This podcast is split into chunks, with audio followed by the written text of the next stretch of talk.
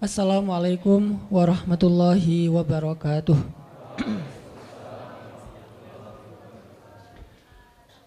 Alhamdulillahi rabbil alamin hamdan kathiran tayyiban mubarakan fih kama yuhibbu rabbuna wa yarda.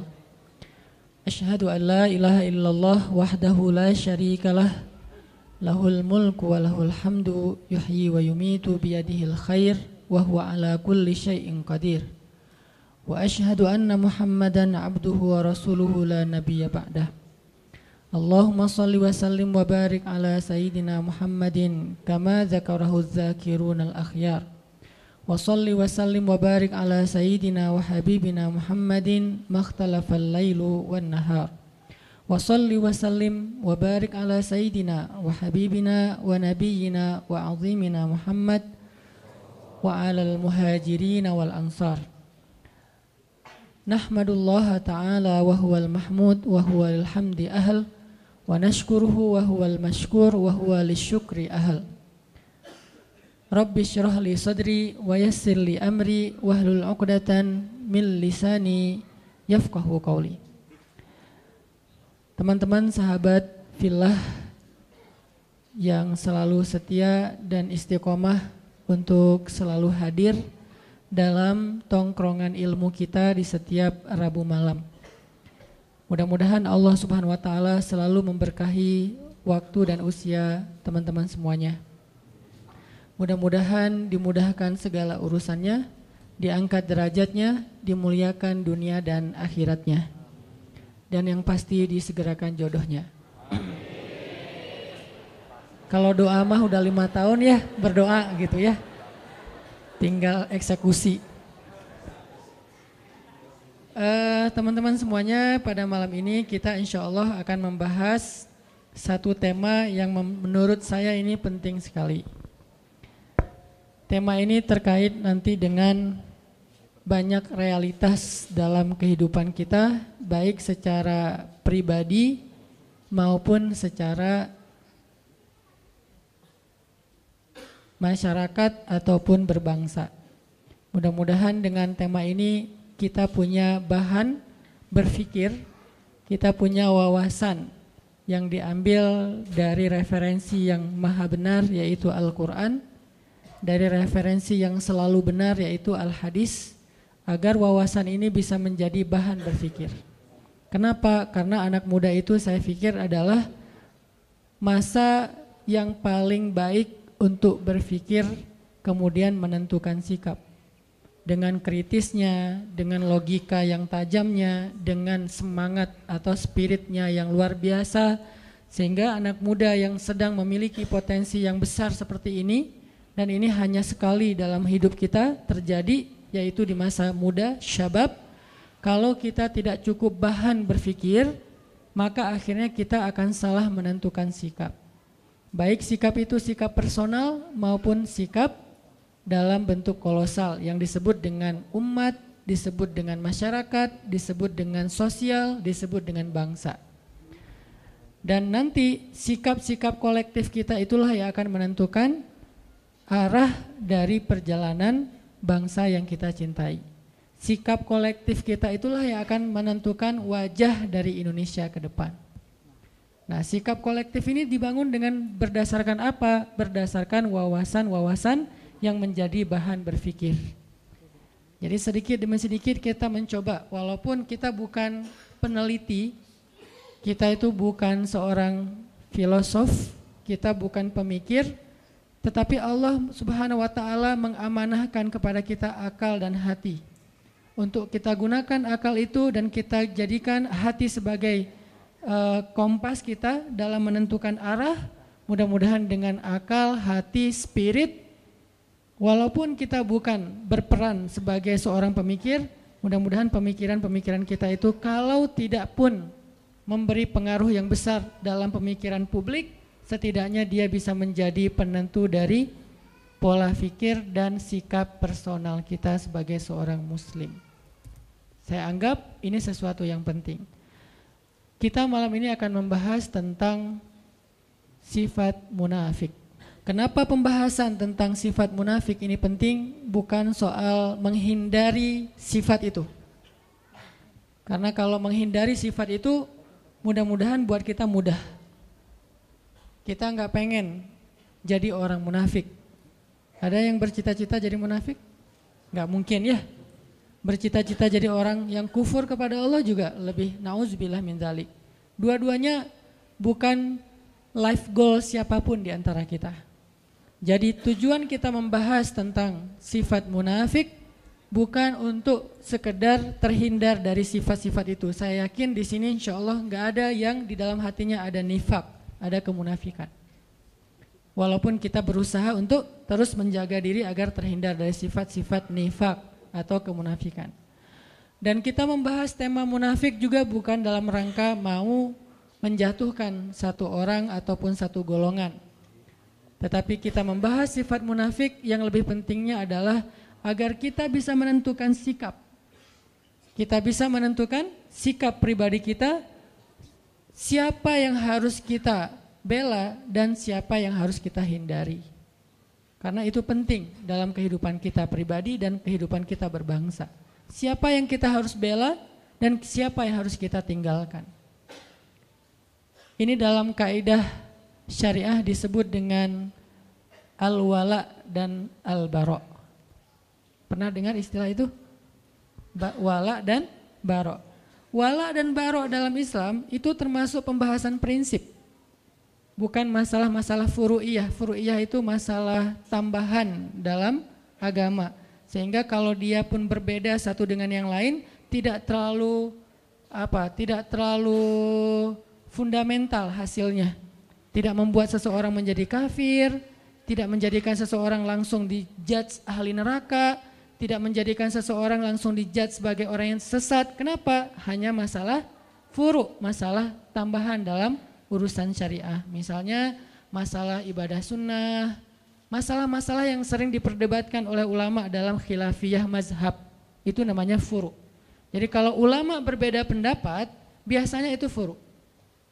Karena ulama tidak berbeda pendapat dalam urusan yang prinsip dalam agama. Mereka tidak berbeda pendapat. Rata-rata kalau kita temukan ada perbedaan pendapat, baik itu fikih ataupun akhlak, maka biasanya itu adalah ciri-ciri permasalahan itu termasuk permasalahan furu'iyah, tambahan, cabang, bukan akarnya, tapi cabangnya. Kalau dalam masalah usul, usul itu bahasa Arab yang jadi bahasa Indonesia, usul. Usul itu asal, asal itu bahasa Indonesia juga asli. Karena dulu saya ngajar bahasa Arab dan saya ketika ngajar bahasa Arab bukan ngajar grammar, tapi mencoba untuk ngajarin vocab Arab yang banyak hubungannya dengan bahasa kita, biar nggak terlalu susah menghafal. Ternyata 90% dari bahasa Indonesia itu memang diserap dari bahasa Arab. Dan itu kenyataan yang nggak bisa kita pungkiri bahwa dalam pembentukan bahasa nasional kita itu ada banyak sumbangan sumbangsih para ulama karena dia terserap dari bahasa Arab. Jadi asalnya asal atau asal, asli asli, usul usul ya. Semuanya bahasa Indonesia yang diambil dari bahasa Arab. Jadi asal asalnya sesuatu itu namanya akar. Furu cabangnya sesuatu yang tumbuh dari akar. Nah biasanya ulama kalau berbeda pendapat dalam sesuatu pasti itu furu'iyah. Sehingga kalau kita mendengar ada pendapat yang satu mengatakan A, yang satu mengatakan B, berarti itu masalah furu'iyah. Dan kita nggak perlu ribut dalam masalah itu. Kalau masih ada yang ribut dalam masalah furu'iyah, maka dia terjebak ke dalam sebuah sikap agama yang dikenal dengan istilah takalluf. Apa itu takalluf? Takalluf itu berlebih-lebihan. Mungkin bahasa yang sedang lagi ngetren sekarang radikal. Apa itu radikal? Terlalu apa terlalu membesar-besarkan sesuatu yang sebetulnya kecil. Itu makna radikal dalam konteks agama kita, yaitu takal takalluf, melebih-lebihkan. Sesuatu yang masih bisa ditolerir tapi dibahas setiap hari. Seolah-olah itu menjadi prinsip agama. Seolah-olah yang melanggar itu langsung masuk neraka besoknya. Seolah-olah dia itu di neraka yang paling dalam. Seolah-olah dia yang paling celaka di muka bumi. Nah ini namanya takalluf. Nah, ini radikal yang sebenarnya terlalu takaluf dalam urusan furu, dalam urusan mazhab. Sehingga sikap kita dalam perbedaan mazhab adalah respect, no judgment, menghargai pendapat yang berbe berbeda. Jadi malam ini kita akan membahas salah satu yang usul, yaitu masalah kemunafikan. Ini yang pertama sekali Allah ceritakan di Al-Quran ketika Allah membuka surat Al-Baqarah. Walaupun surat Al-Baqarah itu turunnya belakangan, tetapi ditaruhnya di di depan. Langsung setelah Ummul Kitab, seolah-olah Al-Baqarah itu anak pertama. Karena Al-Fatihah ibunya kan? Ibunya Alkitab. Maka anak pertamanya Al-Baqarah, anak sulung nih. Dan yang paling panjang di Al-Quran. Tapi sebagian besarnya Madaniyah, turunnya di Madinah, walaupun berangsur-angsur. Turunnya di Madinah, tapi kok ditaruh di awal? Saking pentingnya pembahasan yang ada di dalam surat Al-Baqarah. Sampai sebagian ulama mengatakan Al-Baqarah itu sepertiga syariah. Jadi siapa yang bisa mengamalkan surat Al-Baqarah, bukan menghafal, mengamalkan surat Al-Baqarah, dia sudah mengamalkan sepertiga dari agama. Jadi siapa yang bisa mengamalkan Al-Baqarah, maka dia sudah mengamalkan sepertiga dari agama. Dan tahukah kita bahwa Umar ibn Khattab itu mengamalkan surat Al-Baqarah butuh waktu 13 tahun. 13 tahun mengamalkan Al-Baqarah, bukan ngafal. Kalau ngafal buat mereka gampang. Bahkan di antara mereka ada yang ngafal satu juz itu dengan sekali dengar. Sekali dengar langsung hafal, berarti satu jam satu juz. Itu pemecah rekor paling dahsyat. Satu juz satu, satu jam. Kalau di zaman kita mungkin paling cepat satu juz satu hari. Itu juga udah jenius banget. Tapi sahabat menghafal satu juz lebih satu lembar, yaitu surat Al-An'am, satu jam. Sekali dengar. Dan satu jam itu bukan hafalan pertama. Kalau di teman-teman teras tafis pasti ngerti lah. Hafalan pertama itu kan yang penting udah hafal, cuman nggak lancar, belum bisa di store kan. Belum mungkin gitu. Itu sekali dengar satu jam mungkin. Dan ukuran mungkinnya nggak ada satu huruf pun yang salah.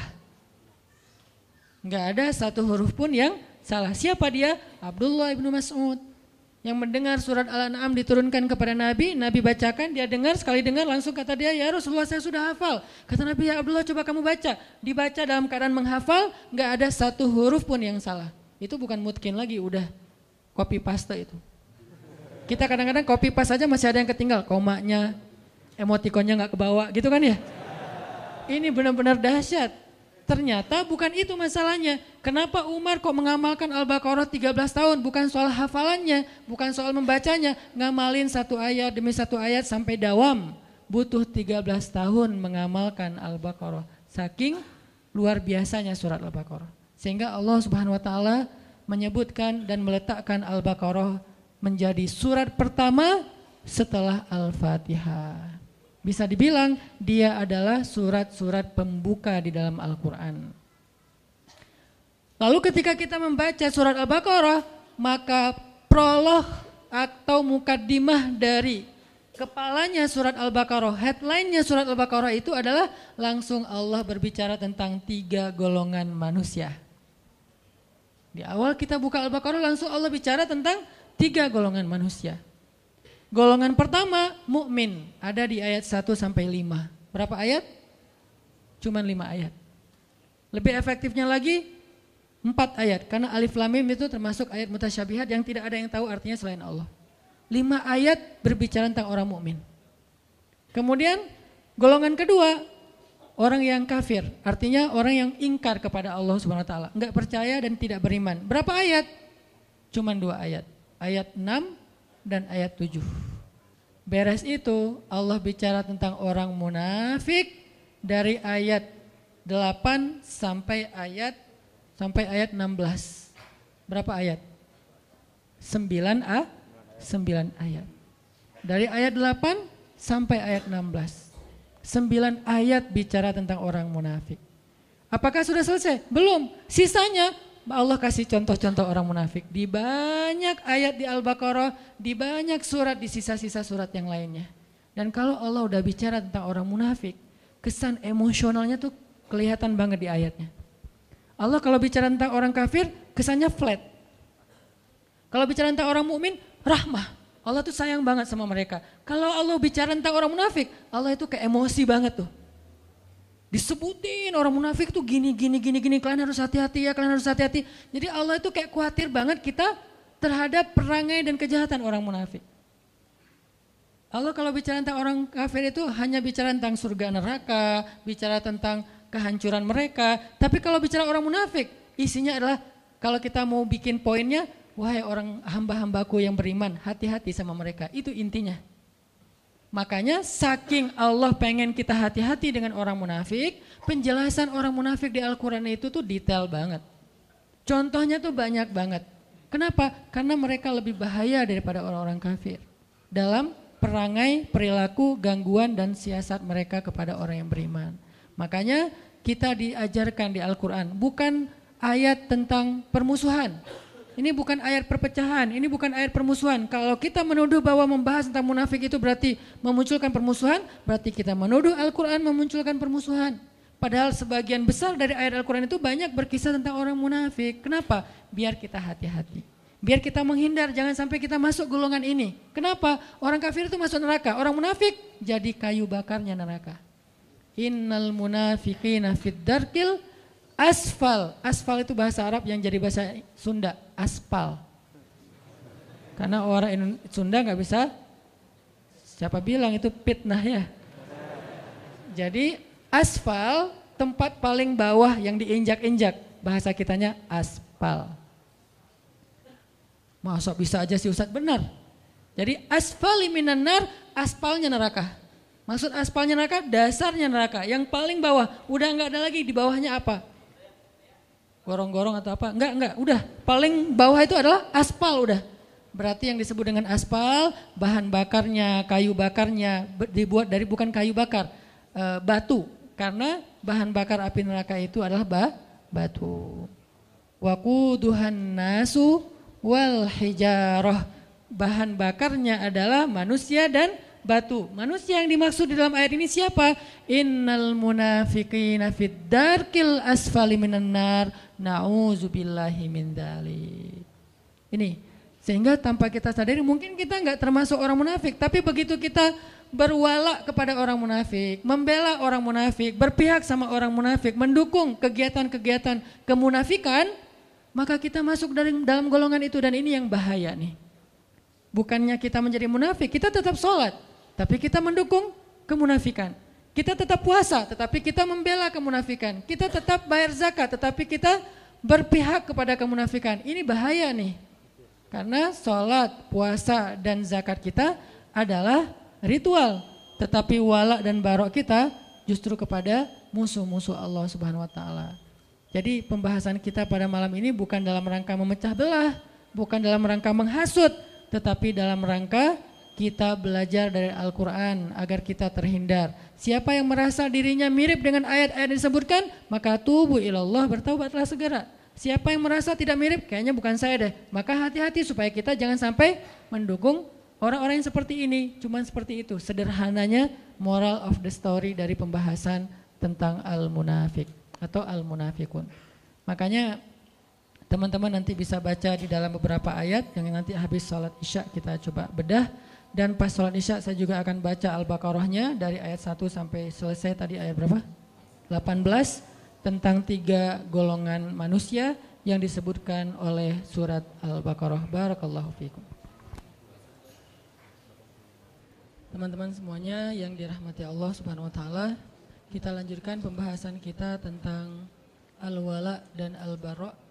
Siapa yang kita berpihak, siapa yang tidak kita perlu berpihak dalam hal ini kita mengambil salah satu contohnya adalah orang-orang munafik. Jadi dalam konteks Islam kita nggak boleh berpihak kepada orang munafik. Tapi kalau kita kasihan kepada dia secara manusiawi itu sangat boleh bukan hanya boleh harus. Jadi kita harus bedakan mana sifat kita sebagai sesama manusia, mana sikap kita dalam urusan agama itu beda. Kalau konteksnya kemanusiaan itu universal. Kita tuh berbuat baik nggak boleh ngelihat agama. Mau dia muslim, mau non muslim, mau dia munafik, mau dia mukmin, mau dia orang baik, mau dia orang jahat. Kita kalau dalam urusan kemanusiaan maka hak dan kewajibannya sama. Ketika kita ngelihat misalnya ada mantan perampok yang belum bertobat, berarti belum bukan mantan ya. Perampok lah ya, belum bertobat. Atau penjahat belum bertobat Kemudian dia sakit. Sakit yang parah terus tergeletak di jalan, nggak ada yang mau menolong dia. Lalu kita lewat dan kita mampu menolong kita. Maka di dalam konteks ini kita wajib untuk menolong dia. Terserah dia seorang penjahat, dia seorang uh, ahli maksiat, bahkan dia orang yang musyrik kepada Allah, orang yang tidak beriman kepada Allah. Karena konteksnya di sini adalah konteks kemanusia, kemanusiaan, nggak ngelihat agama, apalagi ngelihat negara ya. Agama aja nggak boleh jadi sekat kalau dalam konteks kemanusiaan, apalagi negara. Jadi kalau kita bicara Palestina, Suriah, mentang-mentang di sana mayoritasnya Muslim terus jadi nggak ditolong? Enggak, jadi agama aja bukan masalah, apalagi negara. Mentang-mentang mereka bukan orang Indonesia, jadi bukan tanggung jawab kita. Enggak, kalau dalam konteks kemanusiaan, bahkan kalau dia adalah orang Yahudi sekalipun, atau dia orang pagan sekalipun yang menyembah batu ataupun kayu atau menyembah patung, kalau dia adalah terzolimi, maka tugas kita adalah menolong dia. Dengan apa pun yang kita bisa. Makanya kemarin ada salah satu pasien kanker di Bandung, beliau kebenaran non muslim. Bukan salah satu, ada beberapa orang non muslim, pasien kanker dan kurang mampu.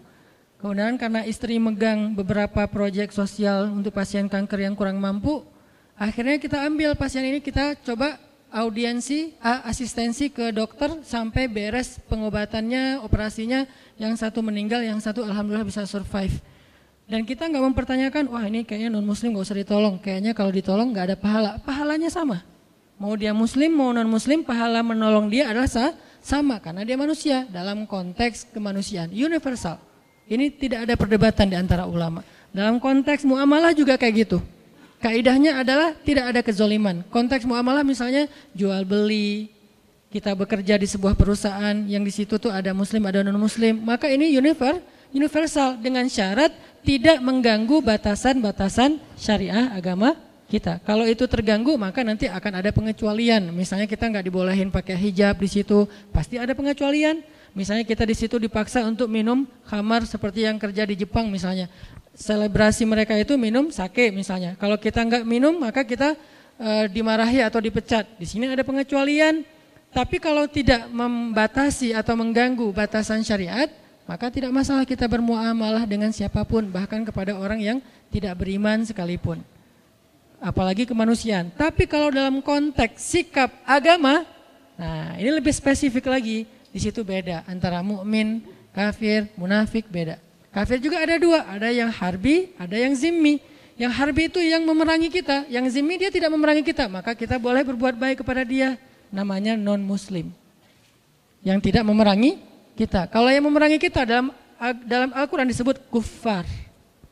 Kalau yang tidak memerangi, mereka tidak dipanggil dengan bahasa orang kafirun, tetapi mereka disebut dengan orang Yahudi, orang Nasrani, orang musyrikun dan seterusnya. Intinya adalah kita tidak ada kewajiban atau anjuran untuk memusuhi mereka. Mereka adalah saudara kita dalam kemanusiaan, dalam negara, dalam bangsa, dalam suku, dalam konteks apa? dalam konteks muamalah, dalam konteks kemanusiaan. Kalau dalam konteks agama, kalau mereka tidak memerangi kita, maka tidak ada kita nggak boleh dilarang untuk menyakiti mereka, apalagi memusuhi mereka. Bahkan jika ada pertikaian antara non Muslim dengan Muslim, kita nggak boleh ber, apa? Nggak boleh berpihak berdasarkan agama.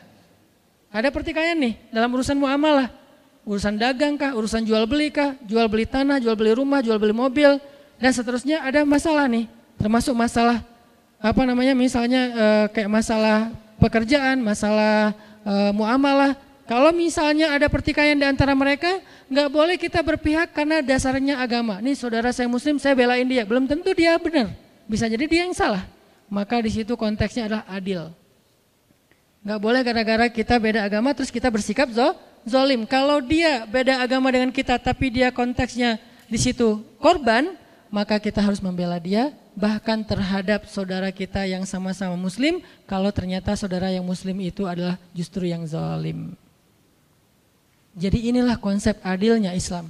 Dan di sini kita juga belajar belajar tentang uh, bab wala dan barok dalam dalam contoh-contoh yang sederhana.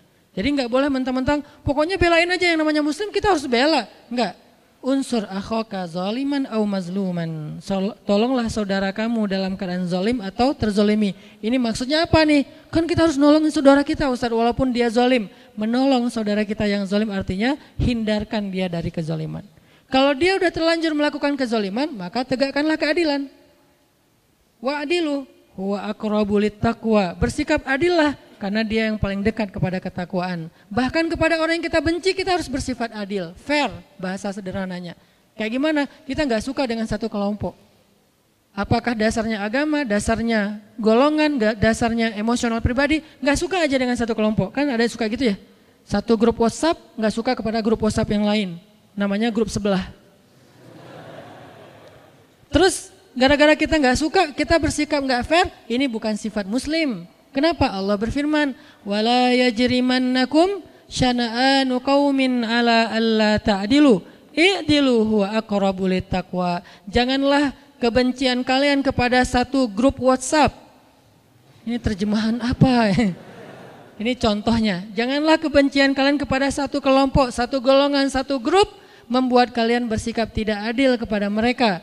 Maka bersikap adillah karena keadilan itu dekat kepada ketakwa, ketakwaan. Jadi nggak boleh gara-gara kita nggak suka, terus kita nggak fair dalam urusan muamalah, dalam urusan hak dan kewajiban, dalam urusan kemanusiaan nggak boleh.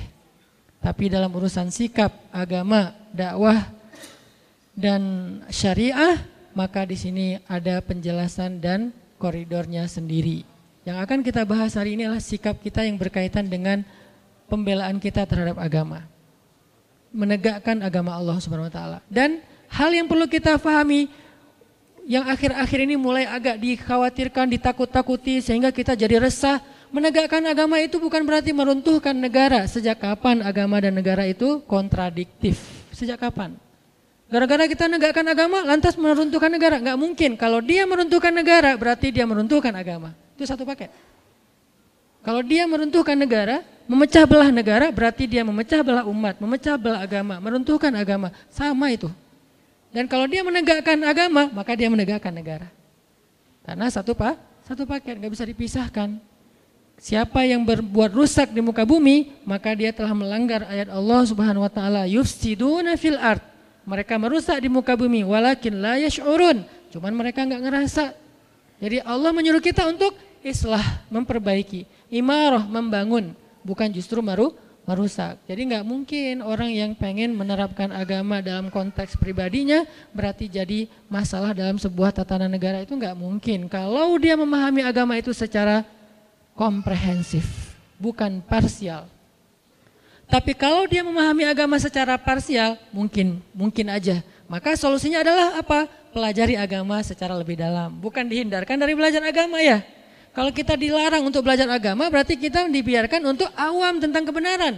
Ketika kita nggak ngerti tentang konsep kebenaran, maka kita akan bisa saja menjadi masalah dalam sebuah lingkungan, masyarakat, dan bangsa. Justru kita nggak mau itu terjadi. Belajarlah agama supaya punya konsep kebenaran. Dan konsep kebenaran agama, apalagi Islam, adalah konsep yang sangat rahmatan lil alamin. Lalu apa yang membuat orang takut belajar Islam? Kalau setelah belajar Islam dia menjadi rahmah bagi alam semesta, sekarang kita buat program dakwah lingkungan yaitu dengan less waste. Itu adalah syariat Islam. Jangan berpikir less waste itu hanya masalah isu lingkungan, isu apa uh, uh, apa climate change dan segala macam. Bukan, bukan ini bukan masalah lingkungan, bukan masalah alam, bukan masalah ozon, ini masalah agama. Sehingga ketika ini saya coba presentasikan kepada para ustadz-ustadz bangun negeri, mereka semuanya sepakat ini tuh masalah agama. Lalu saya tanya, kenapa dakwah nggak pernah mengangkat isu ini? Oh ya kita baru ngeh sekarang. Ya udah yuk kita angkat isu ini, isu lingku, lingkungan. Biar orang lihat Islam itu bukan cuma narasi ibadah. Islam itu bukan cuma sholat lima waktu, walaupun itu wajib dan tidak ada perdebatan tentangnya. Tetapi dia belum komprehensif, dia masih parsial. Terlalu zoom innya kedekatan. Coba zoom out lagi deh. Ketika kita zoom out tentang Islam, kita akan melihat hal-hal yang lain yang luar biasa tentang Islam. Makanya kalau kita pengen menjadi solusi bagi bangsa, pengen jadi kebaikan bagi bangsa, bahkan bagi manusia, bahkan bagi alam semesta, maka belajarlah agama. Makanya kita perlu belajar tentang sifat munafik agar kita tidak terjebak di dalam sifat ini. Saya nggak tahu mungkin suatu saat di antara teman-teman yang hadir sekarang akan jadi pejabat kah suatu hari nanti? Akan jadi seorang penguasa kah? Mungkin di sini ada yang calon presiden tahun 2000 sekian yang saya kita nggak tahu ya. Tiba-tiba presiden 2050. Ustadz saya dulu mah jamaah latif. Wah, masya Allah ya. Kan kita nggak ngerti kan? Jadi ketika nanti antum diberikan amanah kekuasaan oleh Allah, baik itu dalam bentuk jabatan maupun dalam bentuk eksistensi di tengah-tengah masyarakat, public figure, maka kita jangan sampai tanpa sadar terjebak mengambil sikap orang munafik dan itu bahaya banget. Dan saya yakin semua kita akan jadi pemimpin, terutama yang di depan, minimal pemimpinnya si dia, ya. Kita memimpin keluarga dengan sikap orang munafik bahaya, apalagi memimpin masyarakat, lingkungan, sosial, jangan, bahaya. Memimpin masjid aja kita harus tahu dulu mana wala dan mana barok. Kalau nggak kacau. Memimpin RT, RW. Nah balik lagi kepada pembahasan tentang Al-Baqarah dan Al-Munafikun. Al-Baqarah dan Al-Munafikun ini rata-rata kalau kita baca di Al-Quran suratnya itu semuanya atau hampir semuanya surat Madaniyah. Rata-rata surat yang membahas tentang orang munafik itu surat Madaniyah. Apa arti surat Madaniyah? atau ayat Madaniyah? Sebagian besar jawabannya surat dan ayat yang turun di Madinah. Itu ternyata bukan. Surat Madaniyah bukan surat yang turun di Madinah. Surat Madin Madaniyah surat yang turun setelah hijrah. Ayat Madaniyah bukan ayat yang turun di Madinah, tapi ayat Madaniyah ayat yang turun setelah hijrah. Kalau dia turun di Mekah tapi setelah hijrah namanya Madaniyah, bukan Makkiyah. Jadi bukan soal tempat, tapi fase dakwah, periodisasi dakwah. Yang turun setelah hijrah semuanya Madaniyah. Mau dia turun di Madinah, mau turunnya di uh, apa Bani Quraidah, mau turunnya di Khaybar, mau turunnya di uh, misalnya Mekah ketika terjadi perjanjian Hudaybiyah, semuanya Madaniyah. Walaupun turunnya bukan di kota Madinah. Jadi ukurannya adalah peristiwa hijrah. Makanya hijrah ini menjadi sesuatu yang penting dan berharga dalam Islam. Sampai dia menjadi nama penanggalan dalam Islam tahun hijriah. Kenapa nggak diambil peristiwa yang lain yang besar juga? Ada bi'sah, awal Nabi dapat wahyu namanya tahun bi'sah 1, bi'sah 2, bi'sah 3. Sehingga kita nggak tahu tahun hijriah, tahunnya tahun bi'sah. Yaitu dapat wahyu pertama. Kenapa enggak Isra Mi'raj peristiwa yang besar kan sampai naik ke langit ketemu dengan Allah sehingga disebut dengan Mi'raj 1, Mi'raj 2, Mi'raj 3, sekarang tahun Mi'raj 1400 sekian Mi'raj, Mi'rajiyah misalnya. Kenapa enggak Mi'raj? Kenapa enggak perang Badar? Badar 1, Badar 2, Badar 3. Kenapa enggak wafatnya Nabi? Wafat Nabi 1, wafat Nabi 2 seperti agama yang lain apa setelah wafatnya uh, Nabi mereka? Kenapa hijrah? Saking pentingnya peristiwa hijrah dalam Islam yang merubah banyak hal dalam konsep dakwah. Itu kenapa kita mengangkatnya menjadi sebuah isu yang kemudian kita jadikan tren, yaitu tren hijrah. Jadi hijrah itu bukan akal-akalannya Hanan Ataki. Hijrah itu bukan tren yang baru-baru ini muncul. Hijrah itu ada di Al-Quran, ada di hadis. Bagaimana kita takut terhadap sesuatu yang ada konsepnya di Al-Quran yaitu hijrah. Orang yang berhijrah namanya muhajirin. Orang yang menerima orang yang berhijrah namanya ansor ya. Salah satu cita-cita kita ke depan apa? Mempersaudarakan Viking Boboto sama The Jack. Mempersaudarakan Aremania sama Bonek. Itu cita-cita barisan bangun negeri, para guru sekarang. Kita persaudarakan empat supporter bola terbesar di Indonesia. Ikonnya supporter bola. Kalau berhasil muakhad bainal Viking wa The Jack wa baina Aremania wa Bonek berarti dakwah ini luar biasa. Lewat apa? Lewat hijrah. Alhamdulillah dulu teman-teman motor kan lewat hijrah juga. Kita akhirnya berubah dari yang disebut awalnya orang nyebutnya geng motor, kemudian menjadi ormas. Di dalamnya ada divisi dakwah. Kemudian kita belajar Islam bareng-bareng. Kemudian banyak yang bertobat. Kemudian akhirnya gerakan teman-teman dari XTC, Munreker, Brigas, GBR ngapain? Jadi panitia taklim kan bagus kan? Mana ada sejarah teman-teman ini pernah jadi panitia taklim secara organisasi sebelum ada dakwah hijrah. Artinya hijrah ini sesuatu yang baik untuk negara kita. Banyak mengubah hal. Ke depan kita akan lihat empat supporter bola untuk bersaudara. Setelah bersaudara jadi apa mereka? Satu jadi muhajirin, satu jadi ansor. Siapa muhajirin, siapa ansor? Yang tandingnya tandang muhajirin. Yang tandingnya kandang ansor. Nanti ketika muhajirin yang tandang datang ke kota uh, apa lawannya disambut dengan tola al badr. Kan seru ya? Kebayang nggak nyambut dejak di di Padalarang gitu ya? Mereka datang bertruk-truk gitu disambut di Padalarang. Tola al badru alaina. Wah, saya di depan tuh pakai mic. Vokalisnya saya sama Abid Abid Bit A. Tola al badru alaina. Itu perilaku ansor, bukankah itu kebaikan? Berarti hijrah teh.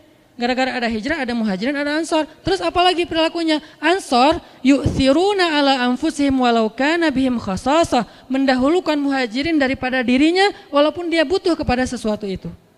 Silakan teman-teman jejak masuk duluan, kita belakangan ke stadion. Masuk. Udah selesai, udah muhajir uh, ansor masuk. Teman-teman Viking Boboto masuk. Di dalamnya saling mendoakan kebaikan. Semoga kalian menang. Enggak, kalian aja yang menang. Kan seru ya? Ini nih baru namanya hijrah. Itu tuh cita-cita saya banget dari dulu.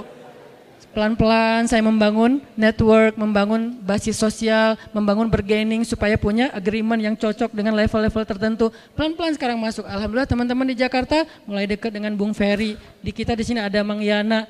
Pelan-pelan satu saat nggak ada lagi adegan pembunuhan, pengeroyokan, kezoliman yang kayak sering kita lihat baik di uh, The Jack maupun di Boboto sama sama-sama punya korban, nggak ada lagi. Yang ada saling mendoakan. Semoga kalian menang. Kalian aja, kalian aja, kalian aja. Akhirnya rame lagi gara-gara itu ya. Saling mendoakan kebaikan. Ternyata gara-gara saling mendoakan, fair, nggak ada yang menang. Seri, asal tanding di sini seri, asal tanding di Jakarta seri. Yang lain baru kita doakan yang berbeda. Artinya kayak luar biasa gitu. Nanti pas pulang dianterin, dikasih bekal, bawain apa misalnya, sebutlah oleh-oleh Bandung, khas Bandung gitu kan ya buah-buah yang ranum atau apalah gitu kan. Bawain peyem kayak apalah. Bawain bala-bala, banyakin cengeknya, kasih kan biar gregetan gitu kan. Wah Masya Allah, karena saya makan bala-bala gak ada cengek, gak ada rasanya. Pas kita ke Jakarta dibawain apa, ondel-ondel atau apalah sama teman-teman. Ini semuanya adalah karena hijrah.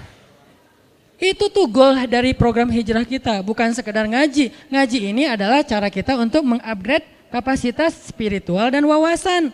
Tapi praktek sesungguhnya dari hijrah itu adalah behavior, perilaku kita. Baik itu perilaku personal maupun perilaku sosial. Perilaku sosial itu tadi mu'akhad, bersaudaraan antara kita. Dan itu udah terjadi di Bandung dengan ikonnya anak-anak motor. Itu bukti bahwa hijrah itu ternyata solusi untuk bangsa. Kenapa kita malah takut? Aneh kan? Logikanya harus kita asah lagi nih. Dengan apa mengasah logikanya? Dengan Al-Quran, dengan hadis Rasulullah SAW. Berarti kalau ini menjadi solusi untuk bangsa, berarti Rasulullah itu orang yang sangat berjasa bagi bangsa kita. Karena Rasul yang udah ngajarin tentang konsepsi hijrah ini kepada kita, yang konsep itu lalu saya convert, saya terjemahin bersama dengan para guru untuk menjadi program sosial. Berarti Rasul berjasa banget. Rasul berjasa untuk kita sejak dulu. Nanti berjasa lagi di padang masyar. Kita pikir udah selesai urusan kita sama Nabi. Belum selesai. Satu-satunya urusan dengan manusia yang dibawa sampai ke akhirat itu cuma Nabi loh. Kita dengan pasangan kita aja udah beres. Memang sehidup semati tapi tidak sehidup lagi. Sehidup lagi udah pisah. Ketemu lagi di surga ya kalau masuk surga dua-duanya. Kalau salah satu di surga yang salah satu di neraka na'udzubillah menjalik, maka dia akan dipasangkan lagi dengan pasangan yang sesuai dengan dia. Na'udzubil, kan gak rela banget ya, udah di neraka terus dia selingkuh gitu kan ya. Jangan sampai. Makanya kalau dua-duanya di surga, balik lagi bareng. Makanya Rasul itu berjasa untuk kita bukan cuma di dunia teman-teman. Sampai di Padang Mahsyar. Satu-satunya manusia yang teman-teman bisa lihat di Youtube beberapa booster saya tentang Rasulullah yang paling sibuk di akhirat. Yang paling sibuk mengurus orang lain itu cuma satu orang. Nabi Muhammad SAW. Yang lain semuanya ngurus diri sendiri. Semuanya berlaku kalimat kullum ri'im minhum yawma idin sya'nun yugnih. Semua orang pada hari itu sibuk dengan urusannya sendiri-sendiri. Illa Rasulullah Sallallahu Alaihi Wasallam yang sibuk dengan urusan umatnya. Makanya nggak terputus urusan kita dengan Nabi, nggak terikat dengan zaman, tempat, terus sampai lintas zaman dunia dan akhirat. Jadi kita balik lagi Ternyata pembahasan tentang orang munafik itu muncul setelah hijrah. Bukan di Madinah, setelah hijrah. Kenapa baru muncul munafik ini? Gerakannya, kekacauannya setelah hijrah. Karena Islam setelah hijrah itu mulai eksis. Sebelum hijrah, Islam itu tertindas. Islam itu tersembunyi, hanya ada di beberapa golongan-golongan kecil, yaitu orang-orang yang lemah di kota Mekah. Tapi setelah hijrah, Islam itu eksis, kuat, berpengaruh. Muncullah orang-orang munafik, muncullah ayat-ayat tentang munafik, muncullah surat Al-Munafikun. Cari di Al-Quran itu surat apa? Madaniyah, surat yang turun setelah hijrah. Jadi nggak heran kalau kemunafikan-kemunafikan dalam berbagai macam bentuk-bentuknya itu muncul setelah Islam semakin eksis dan berpengaruh. Orang mulai datang ke masjid beramai-ramai. Yang dulunya kita susah banget melihat anak muda ramai di masjid seperti sekarang ya. Dulu masjid itu diramaikan oleh siapa? Oleh kakek-kakek. Sekarang fenomenanya Masya Allah. Setelah hijrah dalam konteks kekitaan, maka yadkhuluna fi dinillahi afwaja. Orang berbondong-bondong masuk ke dalam agama Allah. Agama di sini bisa artinya syariat, bisa artinya masjid, bisa artinya taklim. Berbondong-bondong. Baik itu kajian saya, kajian Ustaz Abu Somad, kajian Ustaz-Ustaz yang lain, semuanya rame. Lebih rame daripada konser. Setelah apa? Setelah hijrah. Maka dalam satu paket, begitu hijrah muncul, eksistensi Islam muncul, muncullah kemunafikan. Kenapa dia muncul? Baru dibedah oleh Al-Quran. Kemunafikan itu kenapa kok munculnya setelah hijrah? Terus perangainya kayak gimana? Itu kenapa surat-surat atau ayat kemunafikan itu rata-rata madaniyah. Pertanyaan berikutnya, kenapa kemunafikan muncul setelah hijrah dan Islam eksis? Salah satu masalahnya adalah ciri-ciri orang munafik atau golongan munafik adalah dengki. Bahasa Arabnya hasadin. Makanya ada doa min syarri hasidin idza hasad dari kedengkian orang yang dengki.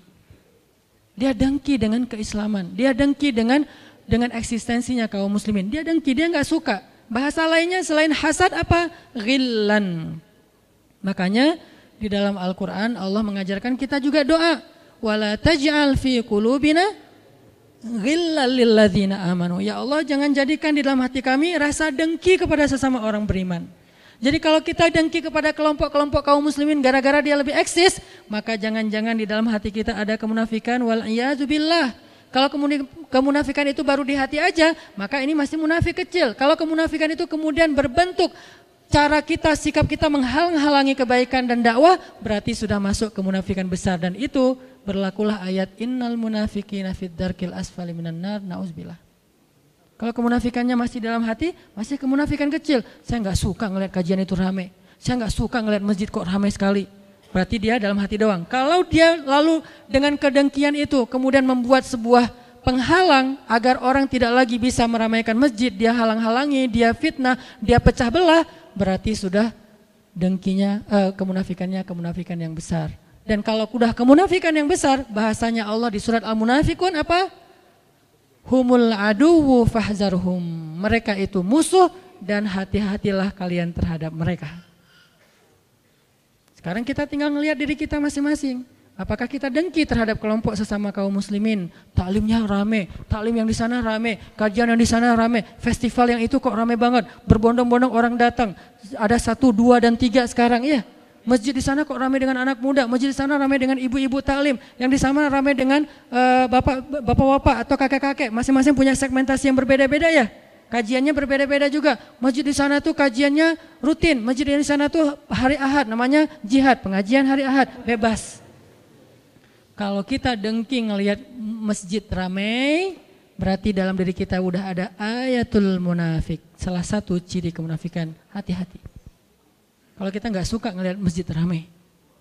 Tapi kalau kita melihat bukan ke masjid ramainya, lebih ke urusan teknis, maka cari solusi, jangan dihalangi. Cari cara cari solusinya gimana? Ya udah batasi pesertanya, jangan rame-rame. Karena kenapa? Karena nggak memadai misalnya tempatnya. Atau carikan, yuk kita sama-sama dukung. Karena masjidnya udah rame, parkir nggak ada. Ya udah, siapa yang mau meminjamkan lapangannya untuk parkir? Nanti berlaku di situ ayat wa ta'awanu 'alal birri wat saling menolong dalam kebaikan dan ketakwaan. Itu lebih bagus lagi. Intan surullah surukum. Kalau kamu tolong agama Allah, Allah tolong kamu. Tijarah dengan Allah, dengan hartanya dan dirinya. Itu yang harusnya kita lakukan. Ngelihat masjid rame. Alatif sekarang rame nih. Aduh, membludak, eh. Parkir susah. Akhirnya jamaah kadang-kadang mikir untuk, ah kajiannya di Alatif ya. Aduh, pasti parkirnya susah, gak jadi datang deh. Sehingga yang datangnya setengah dari biasanya. Kalau di TSB datang karena parkirnya luas, tempatnya luas. Nah kita carikan solusi, kan nggak mungkin setiap hari, setiap minggu juga di TSB karena mereka juga punya jadwal. Oh ya udah, saya punya lapangan. Di mana misalnya? Di Cihanjuang, ah, nggak mungkin juga sih kejauhan gitu. Saya punya lapangan daerah-daerah sini nih, daerah Cihapit, pakai aja. Nggak usah wakaf, tapi pinjam. Karena kalau wakaf mungkin agak berat, kita masih butuh ya. Pinjamin aja lapangan. Berarti kita mendukung agama Allah dan ber, dan senang kalau masjid rame. Kita sumbang apa yang kita bisa sumbang? Makanan kek atau apa aja biar nyaman jamaahnya. Berarti insya Allah di dalam hati kita itu ada iman. Kenapa? Hanya orang yang beriman yang senang melihat masjid itu makmur. Innama ya'muru masajidallah man aman. Sesungguhnya yang memakmurkan masjid Allah dan senang dengan makmurnya masjid man amanabillah, orang yang beriman kepada Allah. Tapi kalau kita dengki dengan dakwah, dengki dengan taklim, dengki dengan kajian, dengki dengan public figure public figure yang bisa membawa banyak masa, crowd event, dengki dengan masjid yang semakin ramai semakin ramai, berarti jangan-jangan fi qulubihim marad di hati mereka ada penyakit. Kalau penyakit itu enggak segera kita obati dengan istighfar dan taubat, maka Allah mengancam dengan kalimat fazadahumullahu marada. Allah tambahkan lagi itu penyakitnya sehingga dia semakin jauh dari Allah. Salah satu ciri kemunafikan dengki, enggak suka. Karena kedengkian itulah mereka suka mencela, suka menghina. Wa idza laqul ladzina amanu qalu amanna wa idza khalau ila syayatinihim Qalu inna ma'akum innama nahnu mustazi'un. Suka membicarakan orang yang beriman di belakang mereka. Suka mencari-cari kekurangan orang yang beriman, mencari-cari kekurangan dakwah, dihalang-halangin, dirintang-rintangin, dicari sesuatu yang bisa menjelek-jelekan mereka. Ini adalah karena kedengkian. Sehingga akhirnya perangai mereka apa? Karena dengki, ya jelek-jelekin. Kita kalau udah benci sama seseorang, dengki kan cari kejelekannya. Makanya muncullah ayat wa idza ra'aitahum yakhuduna fi ayatina wa idza ra'aital ladzina yakhuduna fi ayatina fa'arid anhum kalau kalian melihat mereka memperolok-olok agama Allah, ayatnya, nabinya, syariatnya, hamba-hamba yang berimannya, maka tinggalkan mereka. Allah suruh kita tinggalkan, jangan berpihak sama mereka, apalagi nge-following, unfollow. Kalau penasaran, lihat aja pakai akun yang satunya. Jangan follow follow. Jadi tinggalkan di sini itu unfollow. Ada di grup, left group. Tapi dengan baik. Kalau orang yang di dalam grup yang di dalam grup tadi menurut kita dia berbuat uh, sesuatu yang nggak nyaman dalam urusan agama, kita tinggalkan grupnya, tapi kita nggak boleh ninggalin orangnya. Kita hanya meninggalkan perangainya, tidak meninggalkan orangnya. Kalau orangnya suatu saat butuh, kita boleh menolong dia, bahkan harus. Jangan mentang-mentang dia pernah menghina agama Allah, Terus kalau dia butuh kita nggak nolongin dia, enggak, tetap kita tolongin kalau kita mampu. Siapa yang menolong? Yang paling dekat dengan dia hubungannya. Al-akrab summal akrab. Adil ya, fair ya. Dalam urusan kesalahannya kita nggak mau ikutan. Tapi dalam urusan kebutuhan manusiawinya kita akan menolong dia. Itu fair banget. Itulah rahmatalil alamin. Itu Islam. Bukan ditinggalkan sama sekali. Itu ekstremis. Bukan juga berpihak banget sama dia. Itu namanya cari muka. Atau dia labil nggak punya sikap. Islam itu wasaton, tengah-tengah. Arti tengah-tengah bukan labil. Dia dalam satu hal bersikap tegas, di sifat yang dalam hal yang lain dia bersifat bersikap penuh dengan kasih sayang. Satu, dengki, penyakitnya. Dua, penyakit munafik adalah sombong. Penyakit hatinya orang munafik adalah sombong. Memandang orang-orang yang beribadah kepada Allah, memandang orang-orang yang taat kepada Allah itu rendah. Dianggap mereka orang yang rendahan sehingga mereka nggak mau gabung dengan mereka dengan orang-orang yang beribadah ini. Terjadi di Al-Baqarah, wa idza qila lahum aminu kama amanan. Kalau dibilang ke mereka, yuk kita beriman seperti orang-orang sudah pada beriman. Apa jawaban mereka? Qalu anu'minu kama amanas sufaha. Masa kami mau beriman seperti orang-orang sufaha. Apa arti sufaha? Arozil. Apa arti arozil? Rendahan. Jadi mereka menganggap rendah kepada orang lain.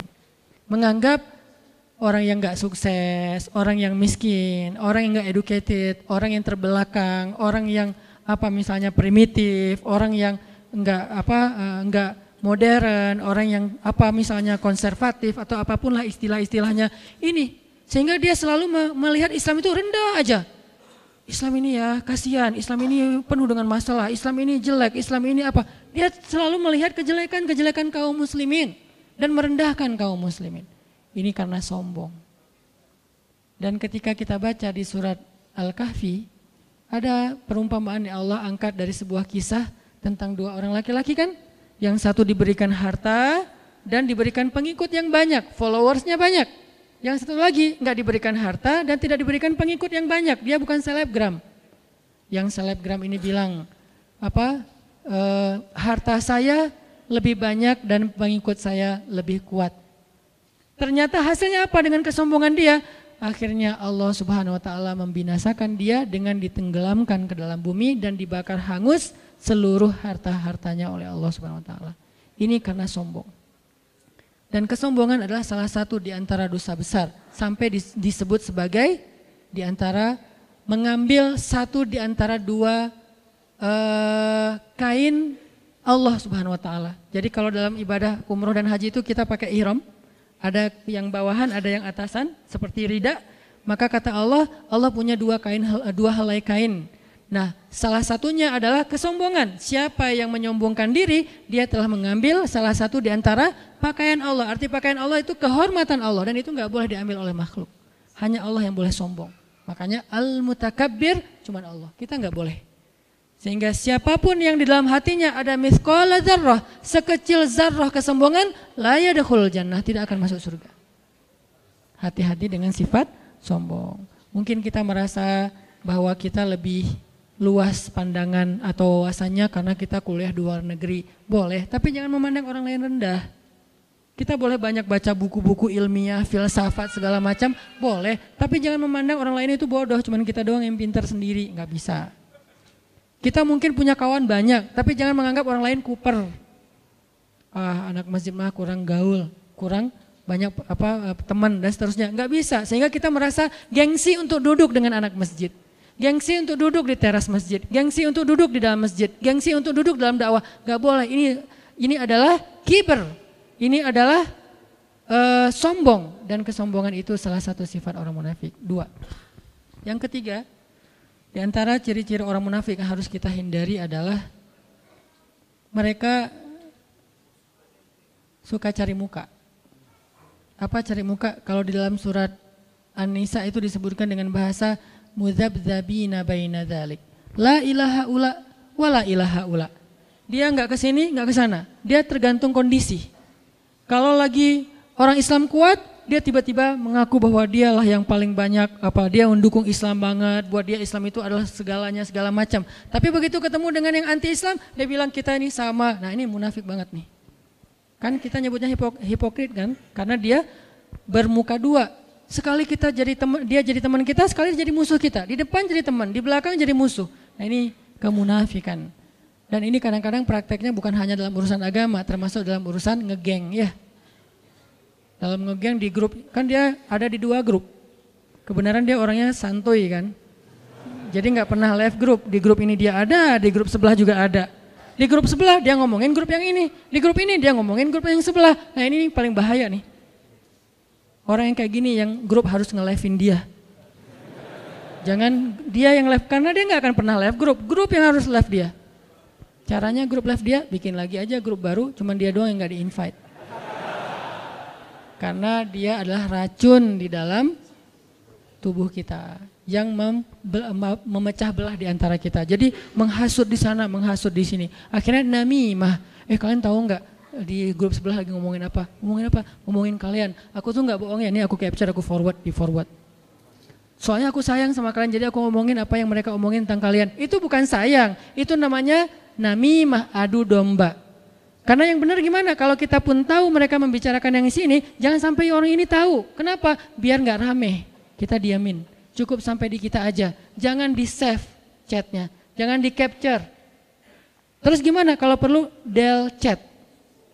Chatnya kita di delete supaya kita nggak ada kesempatan untuk memberitahu ke sebelah. Terus kalau ditanya, ya di grup sebelah lagi ngomongin kita ya? Enggak kok.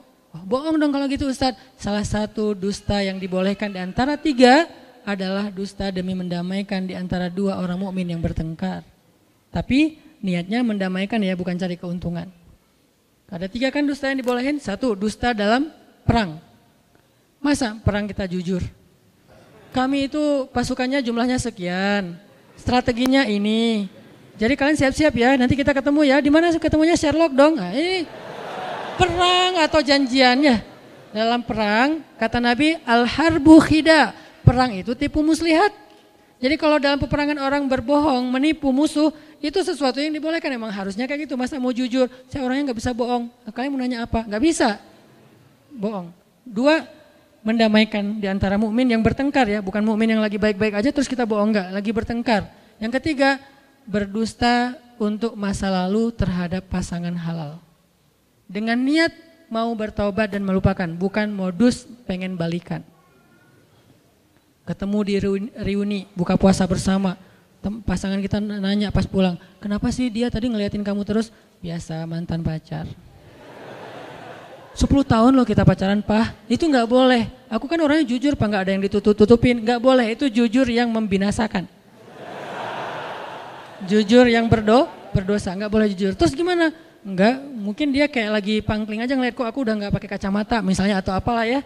Bilang apa aja, tapi dengan niat kita nggak akan balikan, bukan jadi modus. Kalau modus, innallaha alimun bidati sudur. Allah lebih tahu isi ha, isi hati. Nah orang munafik itu suka mencari muka. Sekali ngomongnya A, sekali ngomongnya Z. Pertama dia menghina kita, tapi di sisi lain dia memuji kita. Ini maunya apa sebetulnya? Nah ini nih nggak bisa dipegang orang kayak gini.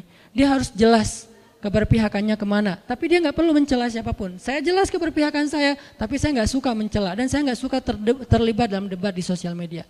Jarang teman-teman ngelihat saya berdebat di sosial media. Kenapa? Buat saya perdebatan di sosial media itu tidak produktif, kecuali argumentatif ya. Karena ada juga perdebatan yang argumentatif, dia menjelaskan gagasan, oke okay, itu bagus. Tapi kalau perdebatannya bentuknya saling membuli, ngapain? Sesama mumin kita membuli.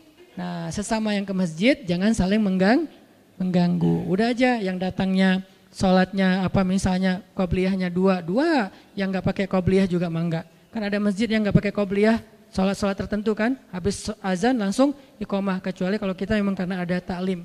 Ada juga yang walaupun bukan rawatib dia nunggu orang supaya nanti bisa uh, iqomah udah penuh jamaahnya. Ini mazhab. Dia bermuka dua, yudhab zabina baina dzalik. Yang keempat, di antara ciri orang munafik itu adalah memecah belah. Wa idza qila lahum la tufsiduna fil ard qalu innama nahnu muslihun.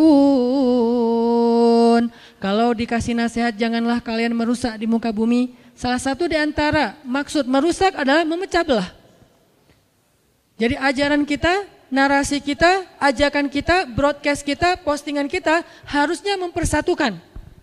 Tapi kita tetap harus mengedukasi. Jangan gara-gara kita takut memecah belah terus akhirnya kita diam dan tidak mengedukasi apa-apa. Ketika kita posting tentang Surya, tentang Rohinya, tentang Surya, kita mengangkat sesuatu agar masyarakat aware untuk membantu.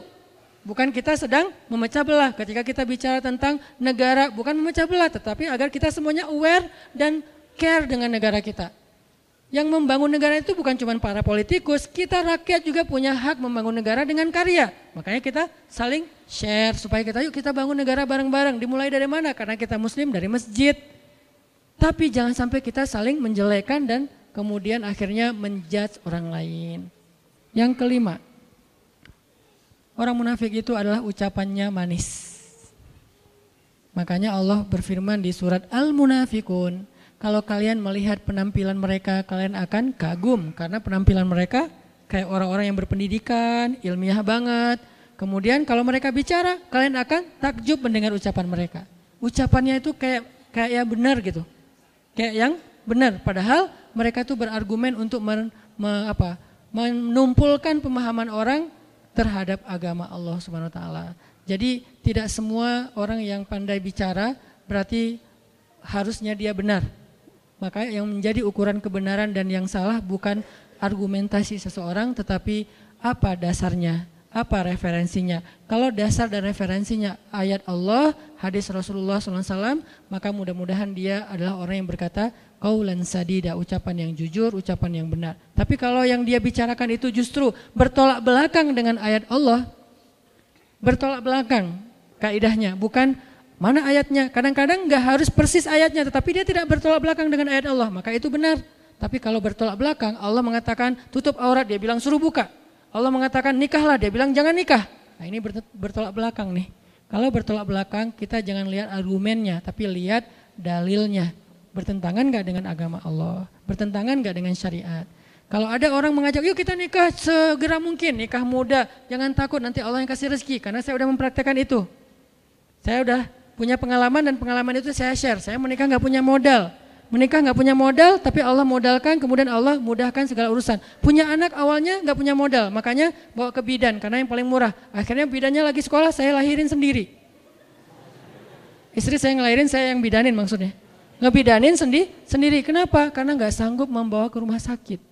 Tapi apakah udah berakhir hidup saya? Enggak. Setelah itu Allah kasih rezeki. Ujian rezeki, ujian rezeki. Karena kenapa? Fa'in nama al usri yusro.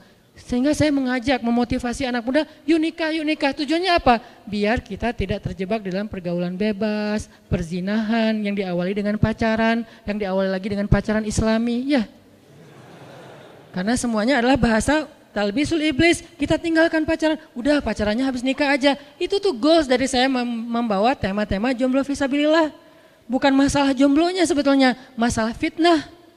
Masalah menjaga kehormatan, tapi mengajak menikah.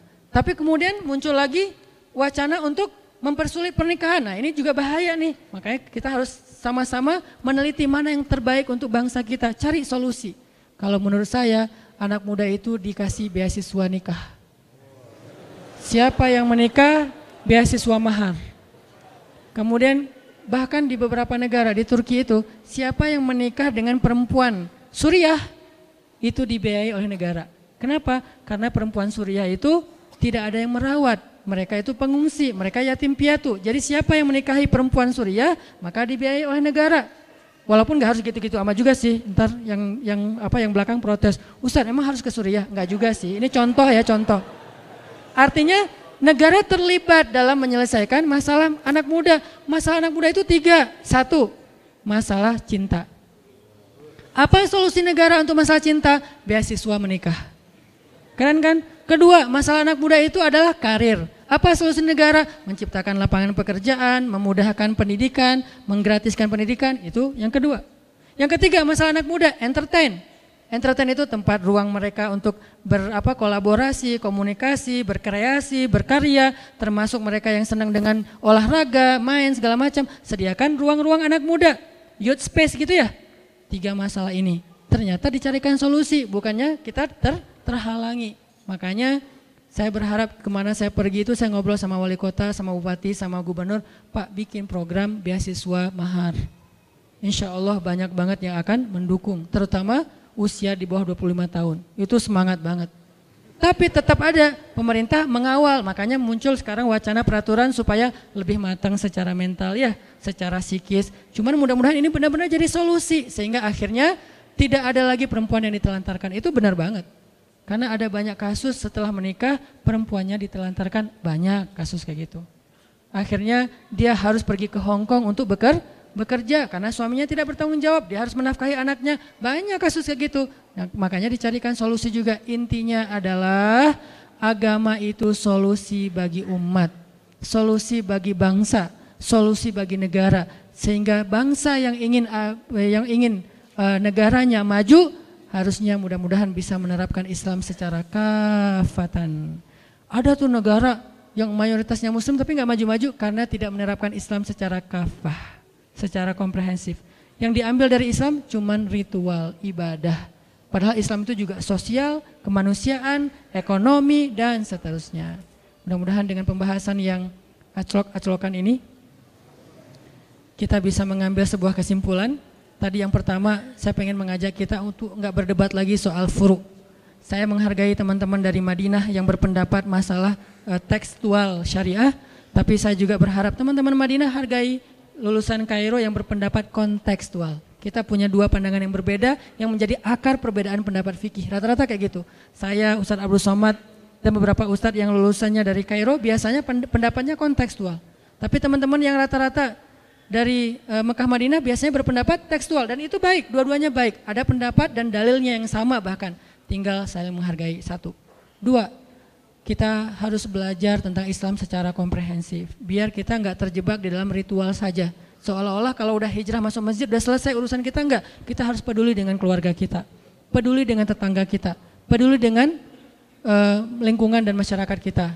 Walaupun tidak harus peduli tentang mantan kita. Jadi kita peduli kepada sosi, sosial. Mantan gimana pedulinya? Suruh orang lain aja yang peduli.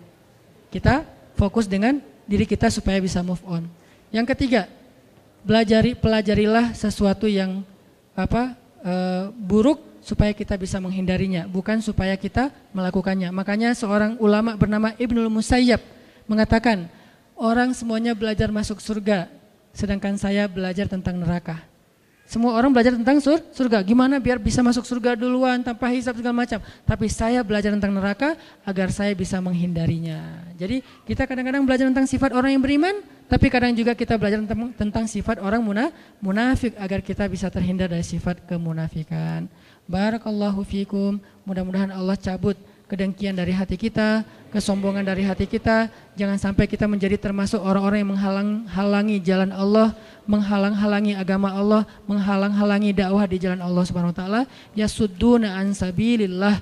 Mereka menjadi batu sandungan di jalan Allah Subhanahu wa taala. Mudah-mudahan kita tidak termasuk golongan tersebut dan mudah-mudahan Allah Subhanahu wa taala membimbing kita agar kita menjadi orang yang mukminuna haqqo, mukmin yang sebenar-benarnya. Barakallahu li walakum wassalamualaikum warahmatullahi wabarakatuh.